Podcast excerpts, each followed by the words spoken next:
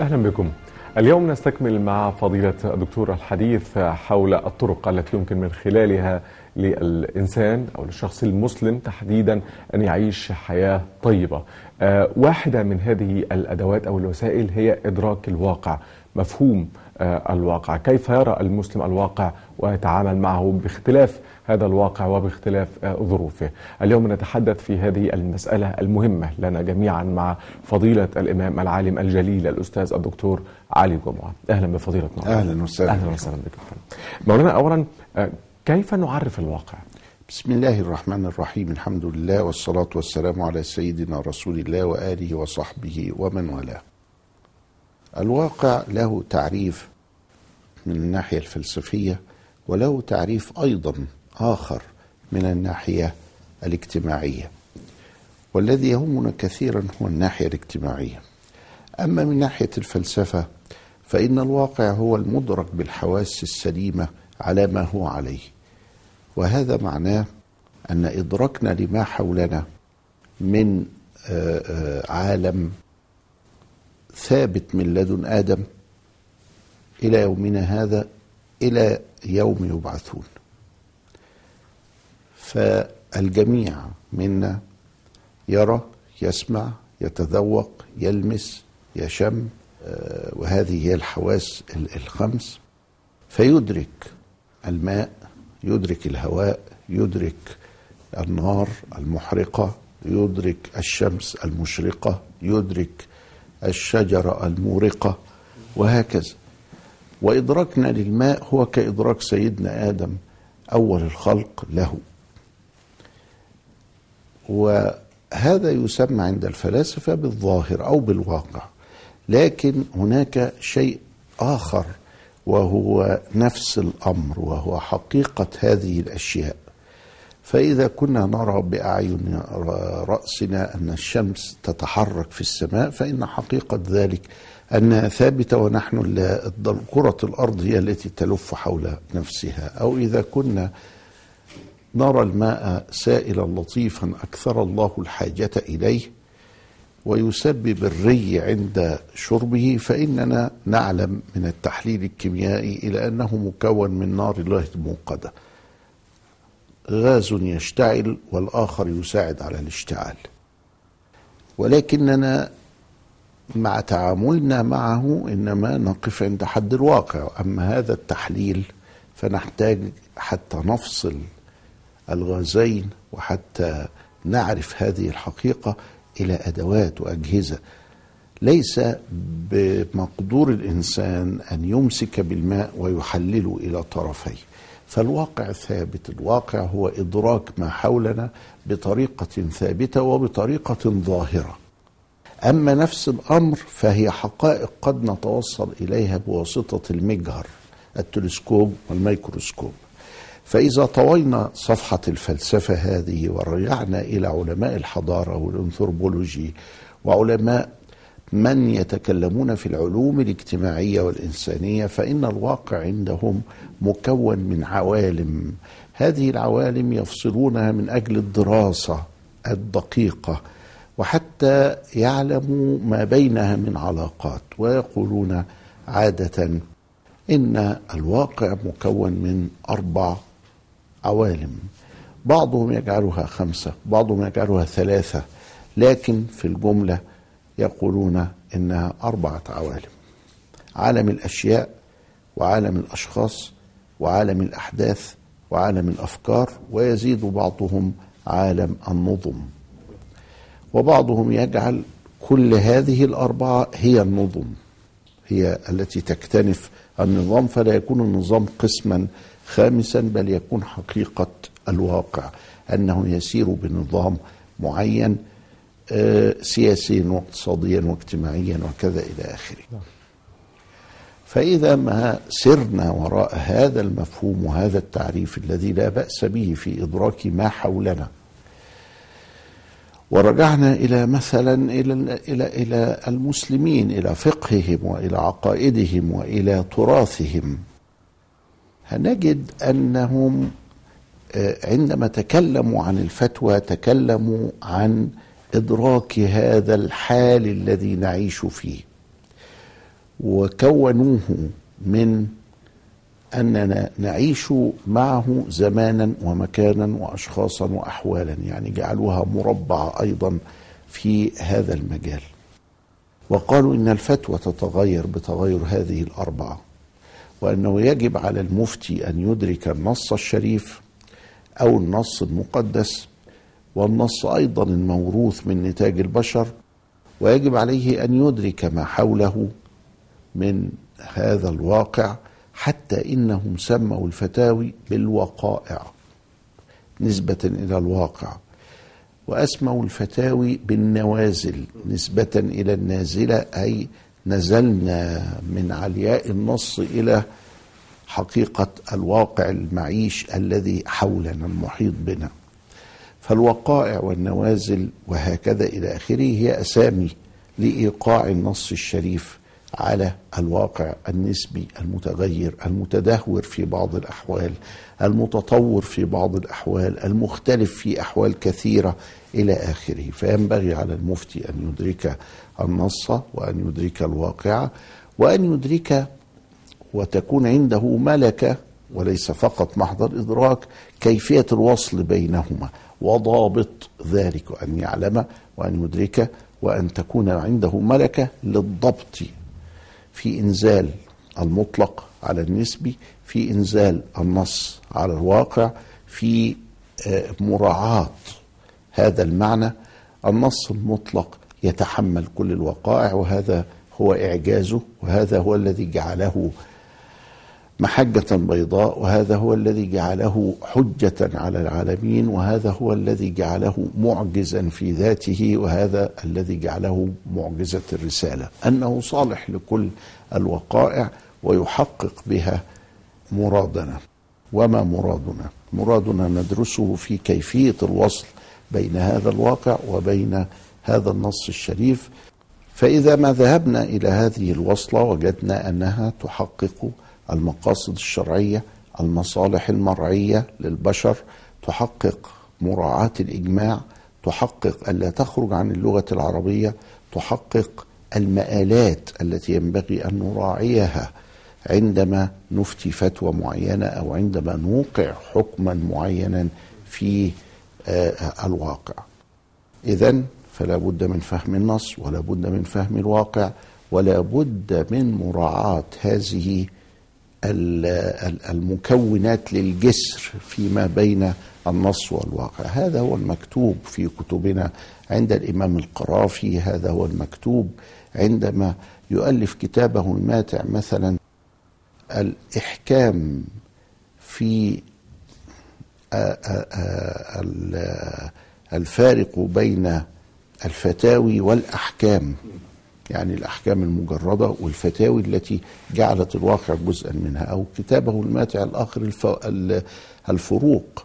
فيفرق بين أمور كلها نظرها على تغيرات الواقع وتشابكات الواقع. ومن هنا كنا في حاجة إلى قبول ما ذهب إليه الدارسون الاجتماعيون في تحليل هذا الواقع إلى تلك العوالم.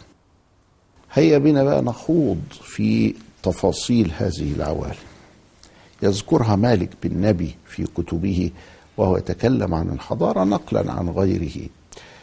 فعالم الأشياء عالم الأشياء الحقيقة أنه كان عالما يعني نقدر نقول شبه ثابت لأن تغيراته كانت تتم بعشرات الآلاف من السنين في حياة البشر عندما ينتقل البشر إلى الاستعمال اليدوي مع الكون إلى الاستعمال الحجري إنه عمل له سكينة من حجر أو إنه عمل له حاجة يقدر ان هو يكسر بيها الجوز أو اللوز حتى يأكل ثمرته.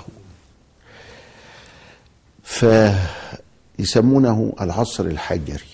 وجدنا آثار في الكهوف وفي الوديان وفي العالم حول هذا العصر الذي لم يظهر فيه بعد المعدن. النحاس الحديد البرونز الذهب الفضة كل هذه المعادن لم تبرز بعد. لكن الإنسان كان وحده خالي اليد ولكنه بعد ذلك استعمل حتى ولو الحجر ثم انتقل إلى التعدين وهنا دخلت قضية النار التي استطاعت أن تذيب الأحجار وأن تحولها إلى معادن. وهذه المعادن بدأنا في استعمالها في في هذا. العصر الحجري ده علشان ننتقل فيه إلى العصر المعدني. ياخد عشرات الآلاف من السنين. ولكن إذا تأملنا في الأشياء التي كانت متاحة لما مثلا يجي واحد من الفراعنة فيخترع العجلة الحربية ويستطيع أن يطرد الهكسوس بها أحمس وكذا إلى آخره. ده نقلة نوعية يعني بيحدث نقلة نوعية وثورة علمية بتنقل ال ال الأفكار من جيل إلى جيل. طول عمرنا نسير وتسير البشرية في بنائها على الهندسة الإقليدية نسبة إلى إقليدس.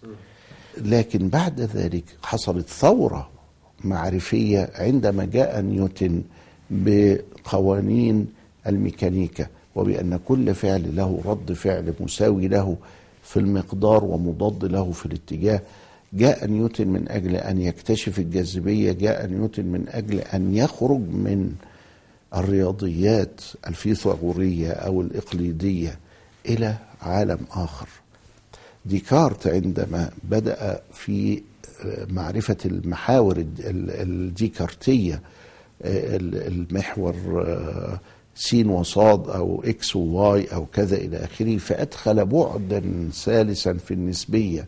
للرياضيات نقلة نوعية تبقى إلى أنه يظهر مدرسة أينشتاين النسبية التي تدخل الزمن في العناصر الثلاثة الموجودة حولنا فتصبح هناك ثورات وثورات وثورات. طيب أذن فضلتك مولانا بعد الفاصل بعد هذا التعريف لمفهوم الواقع وإدراك الواقع ما هي الطريقة التي يمكن من خلالها للمسلم في هذه الفترة التي نعيش فيها أن يفهم الواقع ويتماشى معه خاصة بعد أن رأينا عدد ليس بالقليل للأسف من المسلمين ينفصل عن هذا الواقع انفصالا تاما ويشذ في الطريق إما في أقصى اليمين أو في أقصى اليسار. بعد الفاصل إن شاء الله يبقى معنا. أهلا بكم مرة أخرى. مولانا المسلم أو بعض المسلمين في هذه الفترة ربما تختلط أمامهم الأوراق ويصعب عليهم إدراك الواقع فنراهم يسيروا في بعض الاتجاهات أو ينجذبوا ويكون سهل اجتذابهم إلى اتجاهات ما نتيجة لعدم إدراكهم للواقع الذي يعيشون فيه وواقع الأمة وواقع الحياة في هذه الفترة. اولا مولانا ما هي الأسباب التي أدت بهم إلى هذا الحال؟ ثم كيف نقي أنفسنا ونقي الشباب المسلم من هذا الأمر؟ كما قلت لك أن التطور كان يتم ببطء عبر آلاف السنين وقد يكون عشرات السنين أو مئات السنين ولم يكن يتم فجأة لكن إذا ما نظرنا إلى الحالة التي كان يتعامل معها سيدنا عمر في عالم الأشياء نجد مثلا كيف كان يلبس يلبس ثيابا من من من أي شيء هذه كانت معمولة على النول. ف هي معمولة على النول من اليابان حتى طنجة. كل الأرض ليس عنده آلة تصنع الملابس إلا هذا. هذا يعني قمة التطور إن هو يبقى عنده قماش وإنه يبقى عنده ترزي يعمل له حاجة أو يفصل له شيء. خياط. هذا الكلام يجعله إذا ما أراد أن يسافر يستعمل إما الإبل وإما الحصان وإما كذا. واستعماله للإبل والحصان استعماله مع أحياء. تحتاج شرب وأكل وتحتاج إلى راحة وتحتاج إلى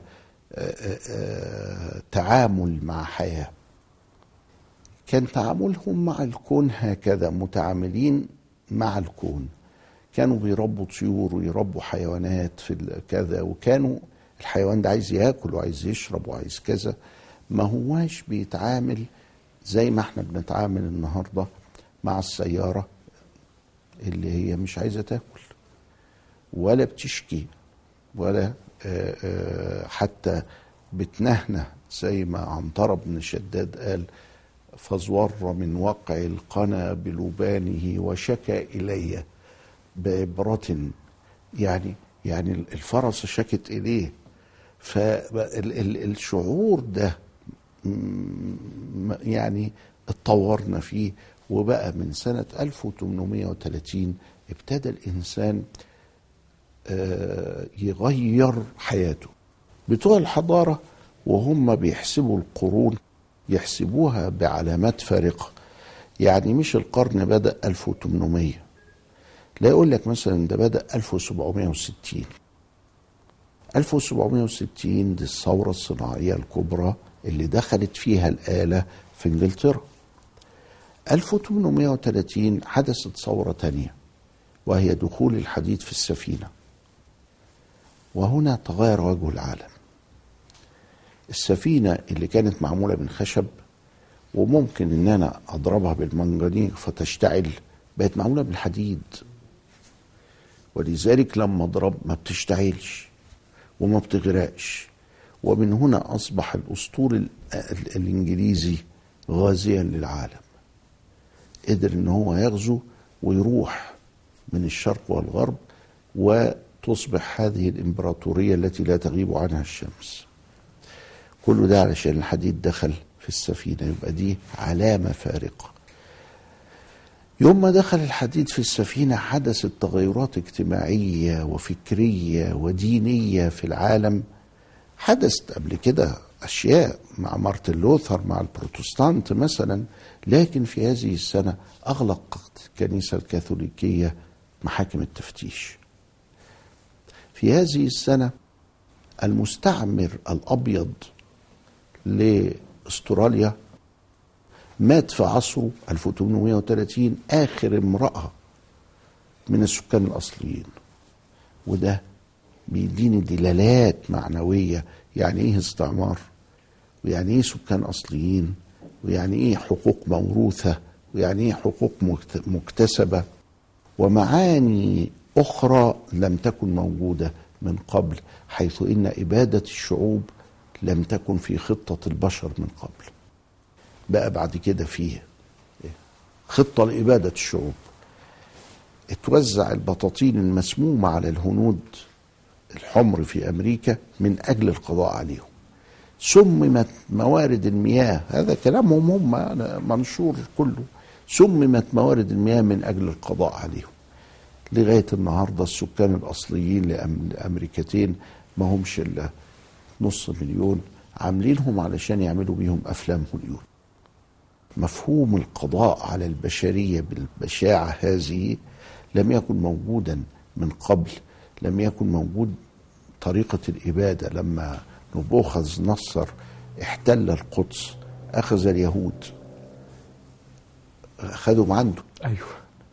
لم يقتلهم أهلكهمش. في أماكنهم يعني. واخد بالك ما أهلكهمش أما هذا الفكر المدمر والمغلف فيما بعد بحقوق الإنسان وحقوق النسوان وحقوق الصبيان وحقوق هذا الكلام لم يعني ده هذا كلام جديد على البشرية ولكن عليه علامة موت آخر امرأة من تسمانيا في أستراليا كآخر سكان أصليين.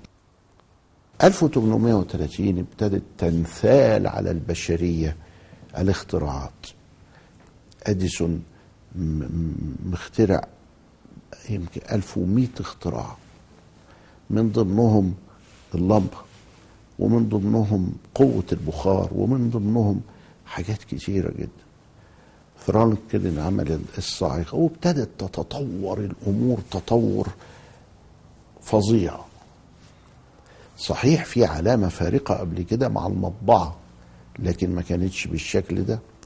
1830 شوف العلامات اللي بتغن بتخلينا نقعد. 1830 دين نقطة فارق فارقة في تاريخ نقطة البشرية. فارقة في نعم. تاريخ البشرية. نعم. كانت أول صحيفة للفضائح في الولايات المتحدة الأمريكية. مم. وإذ بيها تكتسح والناس يبتدوا يفتشوا في فضائح الناس والفضائح دي أغلبها كذب أو أغلبها سب وقذف أو أغلبها يعني بيان لما كان ينبغي أن يكون مسطورا اللي هو اللي بنقول عليه عندنا في ديننا. يحبون أن تشيع الفاحشة في, في الذين آمنوا. الفاحشة في الذين آمنوا دي اللي هي الصحيفة. من نجاحها وشدة نجاحها صدرت الصحيفة رقم اثنين في الفضائح 1831 يعني بعد سنة واحدة. كل الكلام ده مسطور ومعروف يدرس. الصحيفة دي كانت بتطلع على ورق أصفر. فرحنا مسميينه الصحافة الصحافة الصفراء. الصحافة الصفراء يعني صحافة الكذب صحافة الفضايح صحافة فتش المستور صحافة آه، إشاعة الفاحشة صحافة وهكذا. كل دي علامات بتجعل إن إحنا داخلين على جو وداخلين على وقت مختلف عن الأوقات السابقة. 1930 خلص البشر اختراعهم. في هذه الفترة اخترعوا الطائرة اخترعوا السيارة اخترعوا القطار السكة الحديد واخترعوا التلفزيون واخترعوا الراديو واخترعوا ال- التصوير واخترعوا السيما واخترعوا كل حاجة كل حاجة. واخترعوا التليفون واختار طيب بنخلصها في الكلام ده في إيه؟ اكتشفوا واخترعوا الاتصالات والمواصلات والتقنيات الحديثة التي تجعل الإنسان لا يعيش أمسه في يومه ولا يعيش يومه في غده. ومن هنا جاءت حقيقة جديدة ليه اننا أصبحنا في الجوار. يعني إيه الجوار؟ يعني أصبحت الأرض بدل ما يأتيني الخبر من إنجلترا بعد شهر من حدوثه بقى فورا تلغراف تليكس تليفون. بقى أصبحنا نعيش سويا. نعيش في الجوار يعني نعيش سويا. وأخذت هذا ال- المعيشة تزداد مش تقل ابدا لغاية ما جه المحمول. ومن 1930 لغاية النهارده وإحنا قاعدين نطور جدا. لغاية ما بقت الكاميرا المحمولة وبقى هناك أونلاين وعلى الهوا بيذاع لك آه، الحادثة بتاعت 11 سبتمبر شايفها حضرتك هنا والأمريكان لسه ما صحيوش. وساعات ومش عارفين إيه اللي بيحصل. وأنت هنا عارف اللي بيحصل. عارف إيه اللي بيحصل. وهنا أصبحنا في الجوار. نعم. وأصبحنا مفهوم الجلوبال فالي أو القرية الواحدة العالمية وده غير من العلاقات الاجتماعية غير من الوقائع غير من المصالح غير من تحقيق المقاصد غير من حاجات كتيرة جدا هنشوفها أهو. وبعدين بتقول لي ليه بعض المسلمين ما أدركوش هذا التغير أو هم بيبعدوا عن الواقع ليه؟ في هذه الفترة 1830 أدرك الغرب أن ثمة شيء يتغير وأن الواقع من غير وحي يحتاج لدراسة. فأنشأ مجموعة كبيرة انفصلت من الفلسفة تسمى بمجموعة العلوم الإنسانية والاجتماعية. إحنا ما عملناش كده. وده كان أول سبب لأن المسلم بيطلع بيستغرب هذا الواقع فيريد أن ينسحب. منه طيب أستاذ فضيلة مولانا أن نستكمل هذا الحديث المهم ونعدد في باقي الأسباب حول انفصال العقلية المسلمة عن عالمها المحيط بها في العصر الحالي في بعض المواقف طبعا يعني ولا يمكن أن نعمم إطلاقا يعني. ولكن سنناقش هذا بأمر الله مع فضلك في حلقة قادمة إن شاء الله. أشكر المولانا شكرا لك. إن شاء الله. شكرا لحضرتك. شكرا لكم. إلى اللقاء.